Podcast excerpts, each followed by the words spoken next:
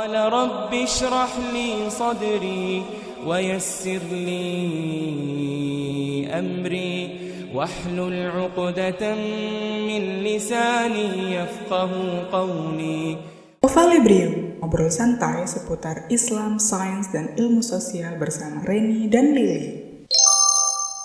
Assalamualaikum. Waalaikumsalam. Hmm, kenapa ya hati itu ya nggak bisa dijelaskan gimana ya? Kenapa itu tidak sesuatu hal yang tidak bisa dijelaskan gitu loh? Bisa, tetapi tidak terlalu memuaskan nggak sih penjelasannya? Hmm, iya. Karena kayak seolah hati kita tuh nggak tertampung bahasa. Ya nggak sih? Jadi iya jadi kita ya harus nggak cuman dengan kata-kata tapi juga kadang kamu butuh tindakan gitu. Karena poin utama dari hati adalah merasakan. Dan Hmm. kamu nggak butuh kata-kata untuk merasakan. iya.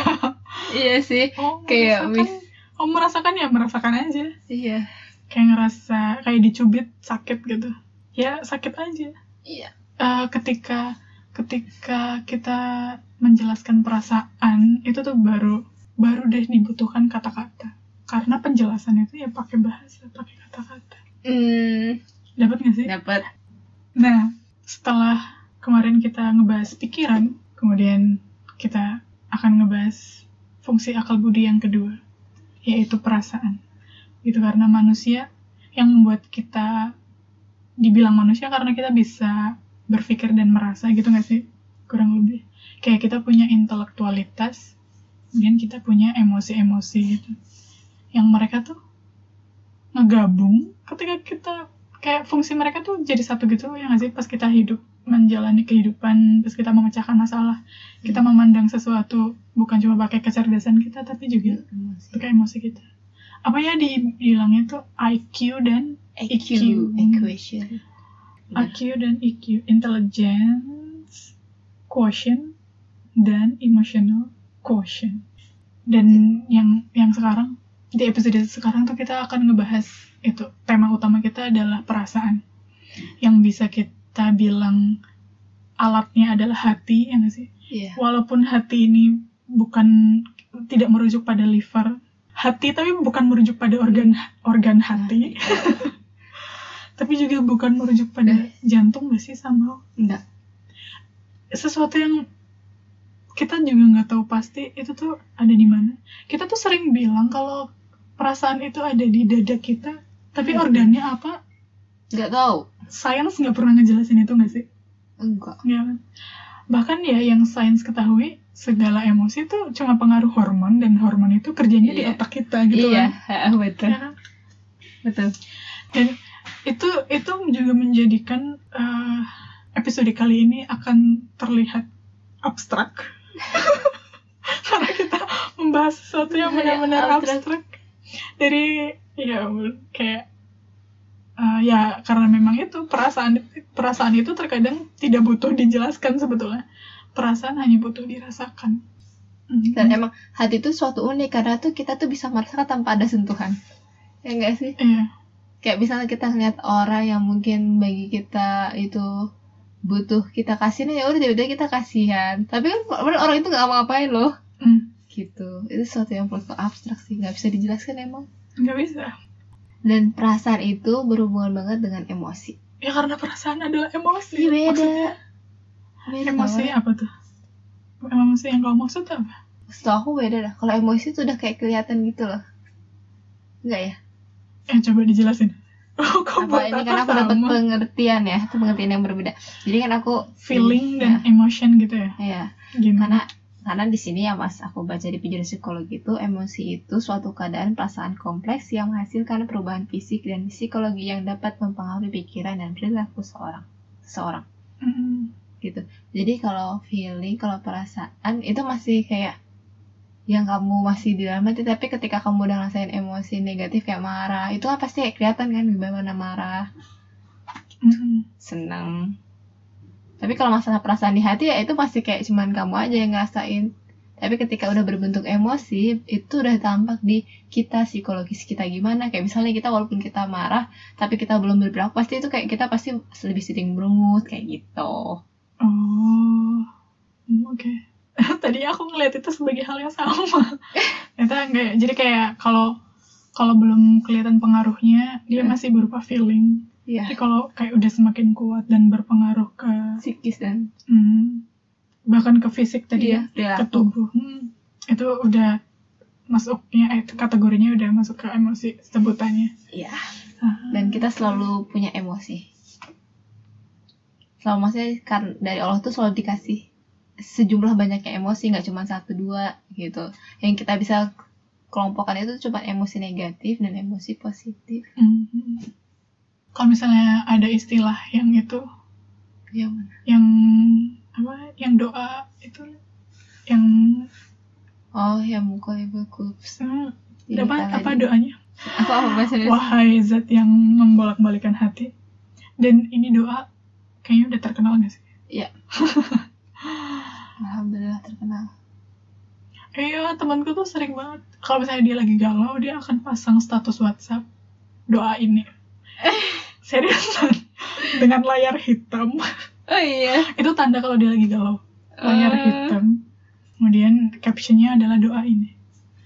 Mungkin ya, dia lagi struggle dengan sesuatu dan lagi minta dikuatkan gitu kurang lebih. Oh. Aku selalu pakai foto profil itu berarti aku selalu galau ya. Iya kan? Ya iya, makanya- buat dia itu itu cara ekspresi kegalauannya kan buat kamu mungkin itu bu- bukan ekspresi kegalauan Enggak emang. kan orang makainya beda-beda lah Heeh. ya nggak sih apa doanya lah Wahai Tuhan yang membolak-balikan hati, teguhkanlah hati kami pada agamamu. nah itu Yang mukolibal kulub. karena hati kita aduh begitu fluktuatif gitu nggak sih Li? Heeh. ya kan dia naik turun gitu makanya keimanan kita juga naik turun kalau lagi rajin rajin Iya. terus nanti tiba-tiba males Dapat motivasi dikit langsung gitu berangkat. Hmm. Biasanya kayak ya udah sih setiap hari juga dapat. Mana mati tuh pikirannya. Astagfirullahaladzim. dan biar dia stabil salah satunya yang paling utama bahkan kita minta sama Doa. untuk di mm, untuk diteguhkan hatinya untuk distabilkan Iya. gitu Ya itu alasan aku sih kayak pasang foto profil Ren. untuk diteguhkan nah kan nah kan alasan orang beda-beda kan Untuk selalu diteguhkan kan aku sadar emang hati ya itu kan aku sadar hatiku tuh bukan aku yang megang. Hmm, betul. Karena ya apa ya masalah kita tergerak atau enggak itu bukan kehendak kita. Kayak kita nih misalnya tanpa sadar nih kita diarahkan buka sesuatu hal kayak misalnya HP ini yang kita pegang mungkin sekarang yang kita pegang sekarang HP yang kita sekarang pegang itu sebenarnya kita punya hak loh buat eh, terus tergerak ke mana dan tergeraknya ke mana itulah yang akan tergantung doa yang itu kalau aku sih yakinnya gitu. Kayak tanpa sadar nih kita mungkin ngebuka YouTube terus YouTube-nya ke akun yang mana. Itu kan emang Hmm. kita geraknya tanpa sadar ya. Tapi itu sebenarnya itu itu bisa jadi loh karena doa doa kita yang sebelumnya. Gitu. Yang menuntun kita Iya. membuka. Jalan. Jadi di situ sih kenapa aku sering mau baca doa itu karena agar berharapnya kita tuh hati kita tuh digerakkan ke hal-hal yang baik karena kan pasti ketika kita masuk ke baik media sosial apa pun pasti ada menu searching. Hmm, explore. Dan itu yang akan membahayakan. Maksudnya itu yang menurut aku tuh butuh keteguhan buat tetap di explore yang baik. Dan itu emang ya kita nggak tahu sih kapan kita naik kita turun. Jadi kita tuh nggak boleh ketika ngeliat orang turun tuh kayak langsung gimana ya Ren? gimana? Apa sih? Kan pasti kita ngerasa misalnya kayak eh, kalau lihat orang yang turun tuh rasanya tuh pengen kok dia tuh tiba-tiba turun sih padahal kita tuh nggak tahu loh kita juga bisa pada posisi seperti itu. Hmm, kayak kita langsung ngejudge gitu ya Heeh. orang lagi turun padahal bisa jadi kita tuh nggak tahu loh masa depan kita tuh kayak apa dan hati kita kita juga kayak apa. Eh betul sekali. Ya bukan balik aku pakai bahasa Indonesia biasa Ren. Karena Hmm. inget artinya aku bahkan nggak hafal doa itu. Aku inget artinya terus Hmm. ya udah selalu kayak ya udah selemah lemahnya manusia aja ngerasa selemah lemahnya manusia kalau ba- baca doa itu. Iya benar. Kayak kita nggak punya kuasa. Iya. Bahkan ke hati kita sendiri. Tuh nggak punya kuasa. Makanya itu yang kayak kita kita itu nggak bisa berbagi petunjuk gitu nggak sih? Karena petunjuk Iya. itu beneran kuasanya Allah gitu mau ngasih ke siapa. Dan juga kewajiban kita masing-masing untuk meminta petunjuk, petunjuk itu? Masing-masing Hmm. dari kita tuh punya tanggung jawab untuk minta petunjuk itu. Untuk Iya. minta hati itu biar dijaga. Walaupun hati kita fluktuatif dan bukan punya kita, sebenarnya ada kan apa ya ibaratnya kayak seenggaknya ketika ketika dia berfluktuasi tuh nggak terlalu jauh gitu loh gapnya ya nggak Hmm. sih ya. ada ada perubahan tetapi juga ada semacam kestabilan gitu loh Iya. jadi kayak pas jatuh nggak terlalu jatuh gitu loh Iya. ibaratnya gitu nggak sih Ada. Ya, aku kemarin juga berdapat tuh. Gimana kalau misalnya hati kita turun atau dalam ibadah dan kita udah rasa males banget. Ya udah, apa namanya, terus Ustaz cukup jawab ya udah kamu cukup kerjakan yang wajib dulu aja jangan mikirin yang sunnah gitu. Jadi kan ya mungkin adalah yang orang yang terbiasa sunnah ini terus turun banget kayaknya. Padahal sebenarnya masih kok dia masih cukup stabil gitu. Hmm, ya karena apa ya berarti Apa? standarnya Iya, standarnya beda ya. orangnya beda-beda gitu Iya. tapi hati itu ya Apa? kita bisa bilang hati itu kayak hasil gitu nggak sih maksudnya perasaan itu perasaan adalah hasil manifestasi dari pemahaman Mm-mm. kita bisa bilang kayak gitu nggak soalnya kita tuh perasaan kita bisa berubah kalau pemahaman kita berubah Iya. ya kan perasaan kita bisa jadi positif ketika misalnya perasaan Iya, kita jadi sudah. positif ketika hal-hal yang kita pahami adalah hal-hal yang positif juga Iya, Ya nggak betul.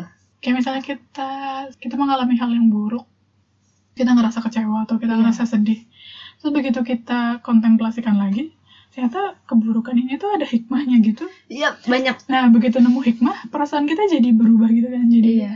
merasa bersyukur jadi merasa oh ternyata aku jadi bisa belajar banyak hal dari Hal yang ke- kemarin. Ah, kayak gitu ternyata kesedihanku tuh kayaknya nggak relevan Nggak ada seberapa hmm, kayak gitu bisa dibilang sama kebaikan yang ada dalam kejadian itu karena kejadian itu. Jadi itu kayak mindset yang kita punya, kita bisa bilang itu tuh bisa mempengaruhi perasaan yang kita miliki. Iya. Dan makanya kita tuh harus kayak terus-menerus memperkaya pemahaman kita tentang hidup gak sih? Iya. Harus itu wajib. Jadi tuh kayak terus terus-menerus mengakumulasi pemahaman-pemahaman kayak tentang em, Hal-hal yang kita tulis setiap hari. ah Kalau ya, aku mikirnya. ya bisa. kayak hal-hal yang kita temui setiap hari terus kita tahu dia dia esensinya tuh apa. Mau. dia tuh definisinya tuh Dia apa, kayak gitu nanti tuh keperasaan kita akan berkembang juga dan eh, akumulasi pemahaman ini yang kemudian membuat perasaan kita juga jadi lebih Tenang. Mm-mm. itu tuh salah satu cara yang bisa mendewasakan kita sebagai seorang manusia nggak sih Yap. Iya. Dan akhirnya menghargai kita sebagai manusia gitu. prasangka-prasangka kita tentang hidup tuh lebih dewasa prasangkanya lebih dewasa penerimaan kita cara kita menyikapi. Terus nanti cara kita mengambil keputusan pasca kejadian apa pun kayak gitu. Ya, Gitu. betul. Itu bertahun-tahun ya ampun ya udahlah. Walaupun mungkin ada bekasnya, tapi itu setidaknya ketika melihat bekas itu kembali tuh udah beda. Yang Ah, kayak kata betul. kamu tadi. Aku jadi inget ini siapa ya? Siapa sih? Kayak penyanyi deh Indonesia. Yang itu loh dia keren banget bilangnya. Aku lupa kata-katanya. Tapi intinya adalah sebenarnya kita tidak kita tidak perlu memaksakan diri untuk me- melupakan kejadian buruk. Yang perlu kita lakukan tuh adalah mengembangkan diri atau mendewasakan diri sampai akhirnya nanti ketika kita melihat kejadian buruk itu kembali perasaan yang kita punya tuh bukan Beda. lagi eh, bukan lagi kesedihan bukan lagi kekecewaan tapi itu minimal kita nggak ngerasain apa apa minimal kita netral ketika kita mengenang itu tapi kalau lebih bagus lagi ketika kita punya perasaan positif kayak kita bersyukur kita pernah mengalami itu. Kayak gitu. Itu penyanyi deh aku lupa dia siapa namanya. Dia dia Iya. keren banget pas bilangnya Jangan. dia yang nyanyi apa ya? Aku bahkan lupa dia nyanyi apa. Cowok yang suka megang gitar brewokan tahu nggak? Aku grup apa atau Ah, enggak dia single solo? solo ah Kunto Aji Oh. ya itu lah pokoknya kayak kita nggak perlu kok melupakan nggak perlu melupakan masa lalu karena bahkan somehow kita nggak tahu cara melupakannya ya nggak sih Iya, malah nggak boleh dilupakan. atau misalnya kita pernah benci sama seseorang terus ketika seiring berjalannya waktu ketika kita ingat sama dia kita udah nggak benci lagi gitu Iya. walaupun kita nggak bisa mengembangkan perasaan jadi kita suka sama dia. Seenggaknya minimal kita netral ke dia gitu. Loh nggak benci tapi emang susah kok. Banyak kok temanku yang aku tanyain dan kayak kesel gitu misalnya benci gitu sama orang. Terus pasti tuh pertama yang dilakuin ya itu ngeblok pertama ngeblok hubungan dulu. Kalau aku susah. Aku malah nerima-nerima aja. Kamu kamu nggak bisa benci sama orang Li?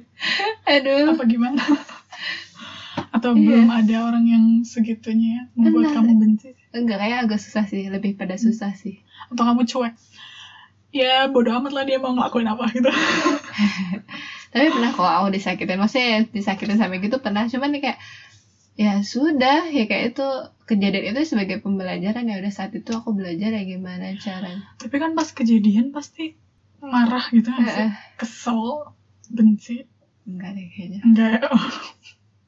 peacemaker. Doang kecewa doang. Karena kamu peacemaker. Paling kecewa doang habis itu udah. Terus ini iya sampai orang pun heran oh masih tetap berhubungan iya masih tetap jadi kontekan tetap ini tetap nge-save nomornya tetap apa. Luar biasa. Jadi nggak aku lupa jadi kalau aku misalnya chat sama orang ya udah biasa aja. Buat apa sih ada pelajarannya sih walaupun nggak langsung ditemukan. Aku juga nggak langsung nemuin kok tapi ya kecewa mah kecewa kayak nangis gitu-gitu. Ya kan tetap aja kan tetep aja tapi nggak bisa kayak Pas- langsung. pas pas kejadian tuh kayak pas kita merasakan Eh. sesuatu tuh kayak otak kita nggak bisa me apa ya pokoknya kayak pas kita lagi ngerasain emosi yang begitu kuat Heeh. kita tuh kayak dikuasai sama emosi itu nggak sih? Iya. Otak kita seolah berhenti bekerja. Iya kayak nggak tahu apa yang mau diomongin gitu. Hmm. kadang tuh kita nggak tahu cara ngejelasinnya. Bahkan kita nggak tahu apa ya kayak mikirin jalan keluarnya dan sebagainya. Iya. yang bisa kita lakukan pada saat kejadian itu hanyalah meng- meng- mengeluapkan oh, meluapkan meluapkan emosi. Betul diluapkan. Aku udah luapin. Jadi kayak ya kita cuma bisa nangis. Iya nangis. yang terus bertanya-tanya tapi nggak tahu jawabannya. Iya nggak tahu jawabannya. Dan- kita orang nangis. dan nggak tahu harus apa tapi nanti pas eh, emosinya udah diluapkan Heeh. udah tenang udah bisa mikir lagi baru deh ketemu. Gimana harus gimana? Harus ngerespon apa? Harus ngejelasin gimana? Kayak gitu ibaratnya. Iya bener kok. Dan meluapkan emosi itu bukan sesuatu yang salah. Ya itu Enggak. sesuatu yang dibutuhkan ya. betul. Ya. daripada ditahan-tahan. Iya. Terus malah nanti jadi bom waktu dan Iya. meledak di saat yang tidak diinginkan atau Iya. meledak dengan cara yang tidak diinginkan jadi aku rasa eh, luapkanlah emosi kita malah harus setiap hari luapin emosi pada yang benar-benar tahu tentang diri kita hmm. gitu jadi sebisa mungkin lah kita eh, ada waktu eh, me time dengan Allah tentang kita tuh hari ini gimana sih gitu bukan hanya ke manusia kita pasti kalau apa apa curhat kan ke manusia tuh ya aku hari ini gini nih kan sebenarnya kita butuh loh kayak gitu ke Allah tuh Hmm. gitu jadi tuh sebelum kita bisa eh, kelewat batas meluapkan ke manusia jadi alangkah baiknya kita ngeluapin aja semua yang kita nggak tahu tentang diri kita tuh ke Allah Mm-mm. jadi alangkah baiknya menangis di depan Allah dulu sebelum di depan manusia. kayak kemarin pas aku bilang radangku lagi Iya. kambuh itu aku bener lagi down pas itu hari apa ya? Aku zuhur. Aku nangis. Aku bilang ke Allah. Eh segala hal yang lagi di pikiranku terus habis itu aku nggak berhenti berhenti. Saya aku telepon temenku tapi aku nggak ngomong apa apa aku cuma telepon dia. Terus dia bilang Ren assalamualaikum. Ren gitu gitu kan terus itu sampai satu menit atau dua menit gitu. Terus dia matiin teleponnya. Terus dia datang terus kayak apa ya itu harus mungkin gimana ya harus simul simultaneously gitu loh harus secara berkelanjutan maksudnya ketika iya kita curhat sama Allah gitu tapi Hmm. mungkin ada ada ada momennya juga kita butuh manusia gitu Iya itu juga. dapat nggak sih Iya. Hmm. Aku juga dulu nggak terlalu ini sih curhat-curhat, tapi aku lebih pada gimana ya? Curhatnya aku butuh langsung gitu loh Ren. Aku jarang menghubungi orang duluan. Maksudnya bu- menghubungi orang terus tapi kalau ada orangnya aku pasti cerita gitu. oh kalau ketemu Iya. cerita gitu ya ke- pada ke- mungkin karena kamu bisa kapasitas hatimu bisa menahan itu semua gitu kali jadi kayak kamu bisa nunggu ya nggak sih berarti kamu Iya, nunggu bisa. momen nggak sih Heeh. ya ada orang-orang seperti kamu ya ya. Ada juga orang-orang sepertiku yang gak bisa. Terus kamu pernah dengar ini nggak Le? intuisi atau Pernah. firasat itu sih aku pernah. Atau kamu pernah berinteraksi dengan seseorang tanpa perlu berkata-kata tapi kalian tahu perasaan satu sama lain? Ya itu bisa kita bilang empati juga. Iya. Itu kita nggak bener-bener tahu nggak sih? Itu tuh lewat apa iya. Ya kan? Itu tuh bukan lewat indera pendengaran kita bukan lewat indera penglihatan kita gitu nggak sih? Bukan lewat sentuhan. Kita tuh Ya. kayak mengetahui sesuatu dengan sendirinya gitu. Itu pasti ada penjelasannya itu dari mana ke mana gitu. Tetapi kita nggak tahu kepastiannya seperti apa. Dan kita bisa bilang itu mediumnya adalah hati, adalah perasaan. Makanya terkadang tuh kita seketika itu juga merasakan sesuatu tanpa tahu, tanpa bisa menjelaskan. jadi ingat ini loh ada nggak sih Ren yang doa yang kalau misalnya kita kamu udah uh, saudara kita tuh nanti tuh bisa merasakan doa apa yang doa apa hadis sih Ren yang Ya. hadis tentang persaudaraan apa ya Ren? Hmm, gimana? Ah, aduh seorang mus seorang muslim itu akan merasakan sakit Oh, sih? jika muslim lainnya sakit. Heeh. Kar- ini muslim itu diibaratkan satu tubuh. iya benar Jika satu sakit, semuanya sakit. nah itu sih itu yang pernah aku rasain kalau menurut aku Hmm, gimana? Jadi kalau misalnya sebenarnya uh, kalau kita emang udah kuat banget nih misal sama seseorang itu intuisi kita tuh biasanya tuh bisa mengaruh merasa satu tubuh. Hmm, iya, Dan firasat itu sebenarnya bisa dibangun kalau menurutku sih. bisa. Kayak misalnya kita mau dengan satu dengan siapa itu ya udah kita doakan tentang orang itu aja. Terus dan itu aku ngerasa kok ketika aku ngerasa di lingkaran pertemanan apa itu ngerasa oh jadi tuh aku sebenarnya itu berbuat baik itu kayak karena doa mereka dan bukan karena bisa jadi kan aku sendiri gitu. Itu yang pertama. Terus pernah tuh Ren, temenku sakit dan aku tuh bisa lo nggak tidur sama sekali. Eh tapi besoknya ternyata ya udah gitu karena Hmm. emang dia sakit Kamu tiba-tiba merasakan sesuatu, iya tapi kamu nggak tahu penjelasannya seperti apa. Terus begitu tahu bahwa dia sakit, kamu baru ngeh. Oh ini aku ngerasain, Heeh. aku ngerasain firasat atau aku Heeh. punya intuisi tentang keadaanmu kayak gitu. iya Itu biasanya kalau misalnya emang interaksi kita dengan orang itu udah sedemikian kuat nggak sih? Bondingnya gitu. iya ya kan? kayak kedekatan kita, kesaling mengertian kita, kayak gitu, ya nggak sih biasanya? nyesel tau ya udahlah nggak apa-apa insya Allah Oh, kenapa nyesel? Iya, karena itu eh, cuman beda sehari, Ren, cuman beda sehari dan itu akhirnya kita gak bisa mengucapkan selamat tinggal sama lamanya. Kan sedih. Ya itu sih aku ngerasa sedihnya. Teman kamu meninggal. Iya. Innalillahi. Dan saat nggak tahu sih ya itu malam itu anak masih sedih, sedih sih. Jadi saat malam nggak tahu ya itu malam sakaratul mautnya dia atau apa, yang pasti malam itu tuh aku bener-bener nggak bisa tidur. Dan besoknya dia nggak ada tuh kayak Iya. Shock nggak sih? Oh, banget. gitu jadi aku kok aku bisa tidur ya kemarin dan tiba-tiba banget aku gak bisa tidur dan aku udah pengen hubungin kan suami itu kayak gimana tapi itu kayak ya sudah lah Nggak, aku udah nanti besok aja ke sana aja besok aja ke sana tapi ternyata ya udah kalau berkata lain kan itu sih industriasi kayak aku aku rasa oh karena mungkin kan dia tuh banyak doain aku jadi jadi bisa jadi ketika kita dipikirkan orang lain tuh sebenarnya orang itu yang banyak doain kita kalau aku ngerasa sekarang aku ngerasa kayak gitu Ya ini nggak sih timbal balik. Iya kayak timbal balik gitu. Ketika Allah yang mengomunikasikan hati-hati orang-orang terdekat kita, ya kita nggak bisa berbuat apa-apa sebenarnya. Nggak bisa nebak gitu yang kayak ketemu. Ya, aku sering sih itu sih kayak gitu. Kayak aku nggak mau apa tapi temenku tiba-tiba, Li, sakit lagi ya ibumu kayak gitu. Karena aku emang nggak pernah loh Ren, aku masa halus ibuku sakit, ibuku ini. Sampai temen SMA aku nih, kalau aku nggak aku nggak akan ceritakan. Maksudnya, Hmm. kalau nggak ditanya aku nggak cerita gitu aku ini, ini enggak gitu ya intuisi intuisi ya itu yang kalau muslim itu satu tubuh sih Iya. Ya, karena kita terhubung. Walaupun kita nggak tahu keterhubungannya lewat apa dan gimana caranya, gimana alurnya, kita terhubung. iya terhubung bener. Terus juga ini ini prasangka aku aja ya li. Apa? komunikasi sama Allah tuh gini misalnya aku buka YouTube Hmm. terus algoritmaku tuh kan kadang kita buka home terus muncul video-video apa yang tergantung dari kita sering. history sebelumnya kan. Jadi kayak algoritmanya tuh menghadirkan video-video ini.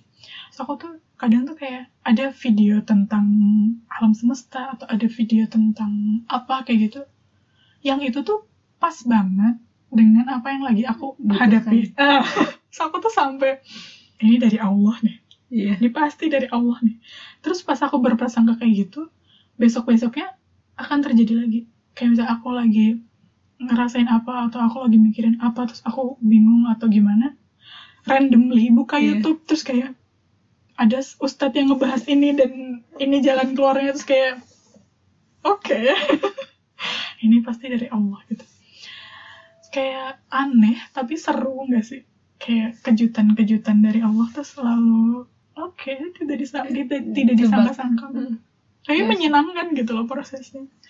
Eh ya, Allah tuh Allah tuh mem- memberikan Allah tuh berkomunikasi sama kita tapi dengan cara yang begitu begitu tidak mudah ditebak. Kayak misalnya menghadirkan seseorang yang ternyata orang itu sebenarnya cuma ngobrol random tapi ternyata itu jawabanku gitu. Itu yang kemarin aku pikirin. Ternyata kamu udah nemu jawabannya. Kayak gitu atau ya itu kita nonton video apa atau kita dengerin podcast apa terus ternyata wah itu kegelisahanku. Gitu. Seru sih. Hidup hidup tuh jadi seru gitu loh. Aku sih ngelihatnya komunikasi sama Allah itu seru sekali. Kalau kamu lihat video, aku tuh bisa lewat tulisan-tulisan. Dari status orang, dari Instagram. Hmm, iya ya karena Allah paling tahu kita Iya. kayak buka Kalau YouTube biasanya yang historinya. Benar historinya. terus jadinya di dalam hidup kita tuh perasaan itu gimana ya li oh ya cara paling pas gitu menempatkan hati atau perasaan kita gitu di dalam hidup itu di manakah posisi perasaan kita ketika kita memecahkan masalah Di mana posisinya ketika kita melihat kehidupan memandang kehidupan kayak gitu loh Oh. dia tuh bagusnya kita tempatkan di mana gitu loh. Kayak misalnya kemarin kita ngomongin soal pikiran dan dia paling pas kita tempatkan di analisa karena sebab Hmm. akibat kayak gitu. Nah, perasaan itu kira-kira di mana gitu posisinya gitu. Di awal dan di akhir. di proses di semua di semuanya sih rasa. Ya mirip sama otak kita ketika dia berfungsi. Iya. Kita tuh nggak bisa memisahkan mereka satu sama lain gitu nggak sih? Jadi kalau misalnya pertanyaannya adalah hati itu kita tempatkan di mana sih? Ya gabungkan dengan intelektualitas kita, biarkan mereka bekerja sama gitu loh. Jadi tuh kayak kalau diabaikan ya salah, Iya, kalau diabain salah. kalau diturutin 100% ya Hmm. salah. Mm-mm. Kita tuh kita nggak lengkap gitu loh kalau cuma pakai intelektualitas dan kita juga nggak lengkap kalau cuma pakai perasaan. Ya, harus dua-duanya. Itu yang membuat kita manusia. Itu yang membuat kita disebut manusia. Gitu. Kalau misalnya kita mengabaikan perasaan kita, ya nanti kita menderita sendiri nggak sih? Iya. Tapi kalau kita me- me- mengabaikan intelektualitas kita, nanti kita bodoh sendiri nggak sih? Kita akan Bodoh. mengambil ya, mengambil keputusan-keputusan yang bodoh gitu loh. Ada lagi nggak, Le? Cukup. Oke, sebelum closing, kesimpulan kita tuh ini gak sih hati itu tidak bisa kita kendalikan. Iya. Hati itu Allah yang mengendalikan. Jadi satu-satunya cara biar hati kita tetap sesuai apa ya koridornya Iya. adalah dengan kita terus-terusan berusaha dekat dengan Iya. Allah. Tentunya lewat doa. Kenapa aku berbisik-bisik? Salah satunya bisa lewat doa. Terus mendekat pada orang-orang yang menurut kita diberi petunjuk sama Allah. Bisa.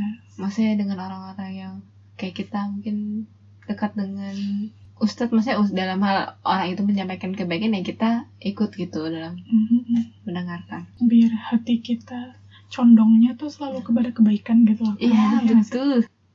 Gak bisa ditebak, tapi bisa dikendalikan kan ya? Ya Allah yang mengendalikan. Kalau yang kita kendalikan tuh perilaku kita tau Li.